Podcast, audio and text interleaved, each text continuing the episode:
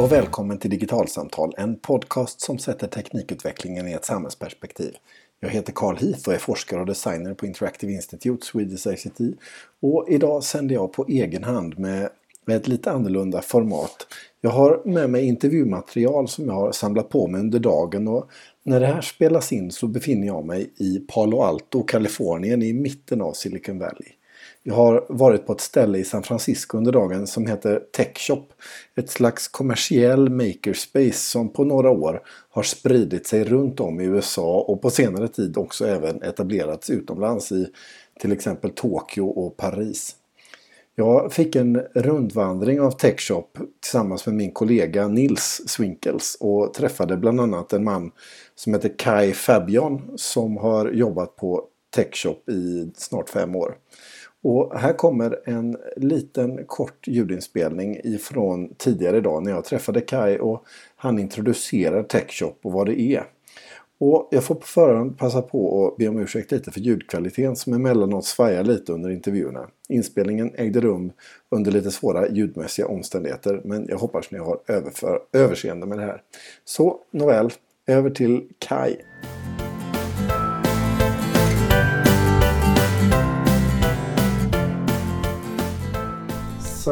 Hi, we're in Tech Shop in central San Francisco, mm -hmm. and we are talking to Kai. To Kai, yeah. and you've been working here at Tech Shop for five years. Five years. Uh, what is what is Tech Shop?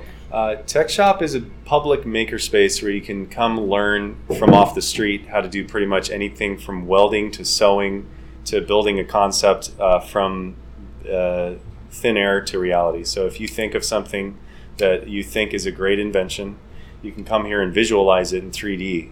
So you can make a three dimensional picture. Then you can actually print that three dimensional picture. And if you get, uh, if you become a uh, uh, quick learner, you can actually start doing hard tools where you actually build the actual, uh, the actual tool that, that lasts. And you have members who come here and they take classes, that's right? That's right. They're here to take two to three hour classes in the very beginning. Uh, so, for instance, when I began, I started in 2011, uh, I started immediately taking uh, classes on Autodesk Inventor. So, they were three hour courses, and it was a little intimidating, a little over my head, but the community here is what made it possible. So, we had people around us to help us remind us of the sequence of how these things work and uh, that alone is the most valuable thing about this whole place, in my opinion. And, and why would a city want to have a tech shop? Uh, it brings together a special type of uh, economy. So, if you need someone to bring a craftsman type quality or even a culture, uh, this place builds culture. So, if you look around the world at wood joinery techniques, Japan uh, usually has a very special type of wood joinery that is world known. Uh, so what we have here are tools that allow you to do the same things and then go beyond that. So you can take old knowledge and make new knowledge, and that's kind of the idea of this place. We want to help empower people uh, that that have a basic idea and get them acquainted with with old ideas and stand on the shoulders of successful ideas and then move up from there. So the people who come here, they could be basically anyone, I guess. They could be people wanting to learn about these things or to start a company or to make some kind of art thing or precisely. How is the sort of demographics of the people who, who come to tech shop? Uh, well we have a lot of different age groups that's for sure. So we have people all the way up in their late 70s we have a gentleman in his 80s that works on the wood lathe because he's retired and he makes these beautiful bowls and he just started four years ago so it's amazing to see someone with that much aptitude and, and uh, just inspiration to come in at that age and uh, even show us a few tricks. So it's really nice to see that. And then we have people all the way down in the K through 12 schooling system coming in here in our STEAM program. So STEAM is a program where we have a lot of uh, mentorship with young kids that we bring in out of schools, public schools, and they come in here and they learn from us. We teach them basic electronics, soldering, how to eat popcorn. and what uh, would be the requirements to, to get on such a mentorship program to be uh, here? Well, uh, we just basically contact the the local schools will contact us. We offer a program called STEAM. It's an acronym for Science, Technology, Education, Art, and Math. And what we'll do is we'll bring people in, uh, and if they're interested in our program, we can run them through with one of our instructors. that sets up a curriculum for the kids. So it'll last anywhere from a week to three weeks.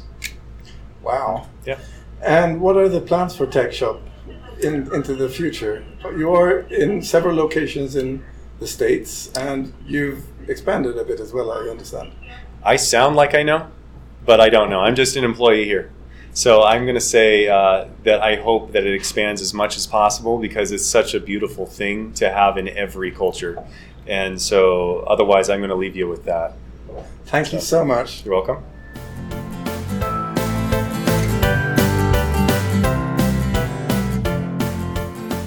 Efter det att jag intervjuat Kai så kom Nils och jag att tillsammans med Kai och prata med en av de runt 200 personer som den här dagen gästade Techshop. Vi höll precis på att runda av vår intervju när vi fick frågan om vad vi gjorde där och vi hamnade i ett spontant samtal som började egentligen lika snabbt som det avslutades. Vi hann eh, fråga om vi fick dela med oss av samtalet men vi lyckades inte fånga namnet på personen vi spelade in och vi är jätteledsna för det men vi tycker att innehållet blev så intressant att vi detta till trots ändå känner att vi vill dela med oss av den här konversationen.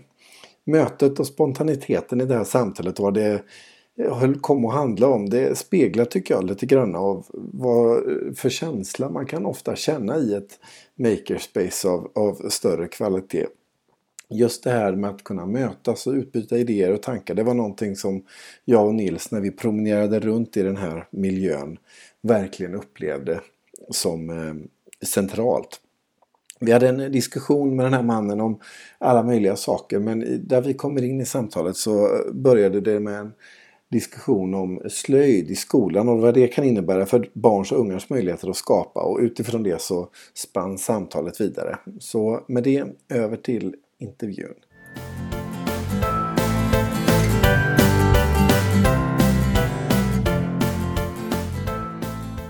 Natural to go from you know teaching people how to do it with hand tools to teaching them how to do it on a CNC machine of some sort. I mean, at the very least, kids would gravitate to that. Yeah. I mean, you know, I have a three-year-old, and you show him one of these machines, and he just like, it's the coolest Yeah. thing he's ever seen. Who are you?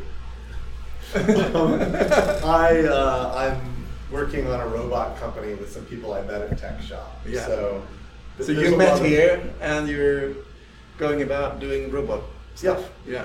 So we're, we're working on our prototype, and Kai is helping us out. And then uh, next week we're having some VCs come by here and hoping they think our prototype is cool. Wow. Um, and then they'll give us money, and, and You have a couple to make more of them. Yeah.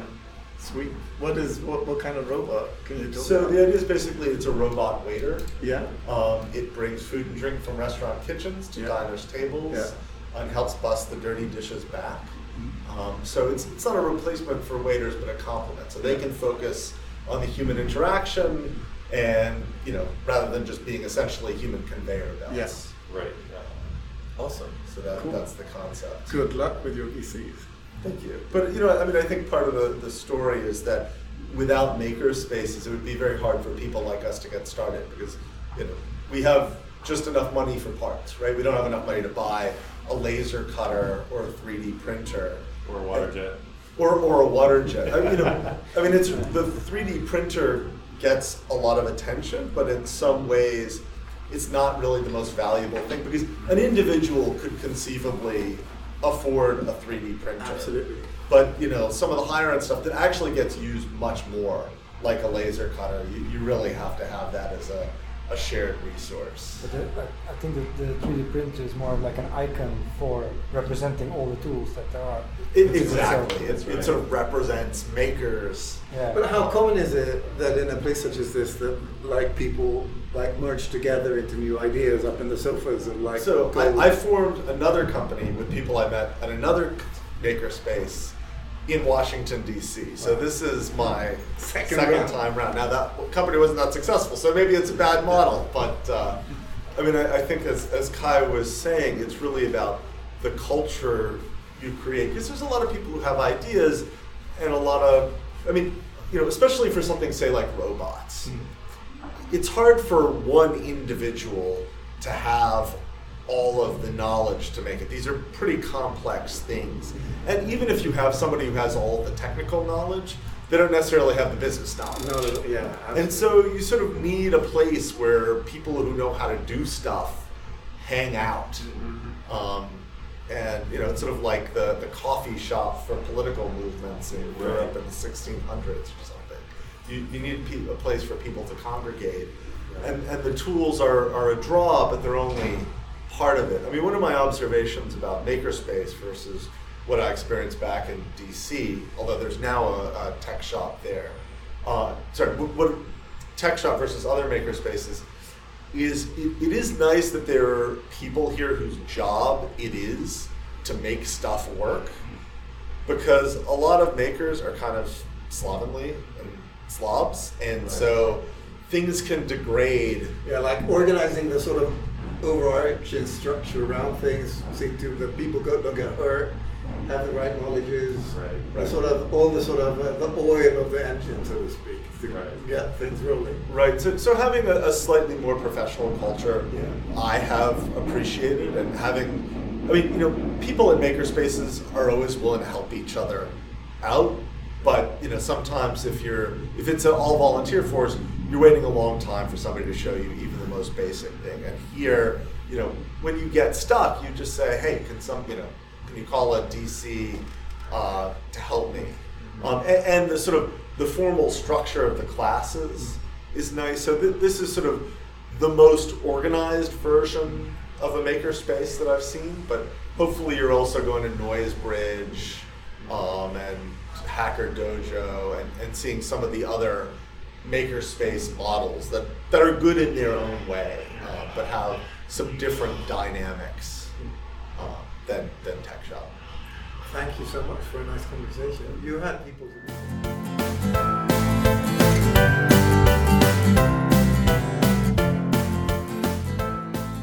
Rundvandringen på Techshop och samtalet med Kai och eh, mannen vars namn förblir en gåta som höll på att bygga en robot för att jobba i i restaurangbranschen. Allt det som hände där det var verkligen fascinerande och det var för mig en eh, ordentlig inblick i på vilket sätt en fysisk mötesplats mitt i en stad där man blandar både digitala och analoga material och utforskar kreativa möjligheter i skapande eh, verkligen kan vara en katalysator för både innovation och entreprenörskap men också för lärande och utveckling inom både formell och informell utbildning. Så det var verkligen en, ett privilegium att kunna vara på Techshop och träffa alla dessa personer. Jag hoppas att Eh, de här intervjuerna var intressanta och med det här så rundar vi av detta som får bli ett lite kortare digitalsamtal för den här gången. Hör gärna av er med kommentarer, tankar och funderingar i Facebookgruppen Digital samhällskunskap. Och har ni en fråga till oss, tveka inte att höra av er. Det går bra att skicka frågor på mail och adressen är då podcast.digitalsamtal.se. Och På Twitter finns vi på digitalsamtal. Skulle det vara så att ni prenumererar på podcasten genom iTunes eller någon annan prenumerationstjänst får ni gärna skriva en kommentar eller ratea programmet så att vi hamnar högt upp bland sökresultaten och fler får möjlighet att hitta till oss. Men till nästa gång, hej då!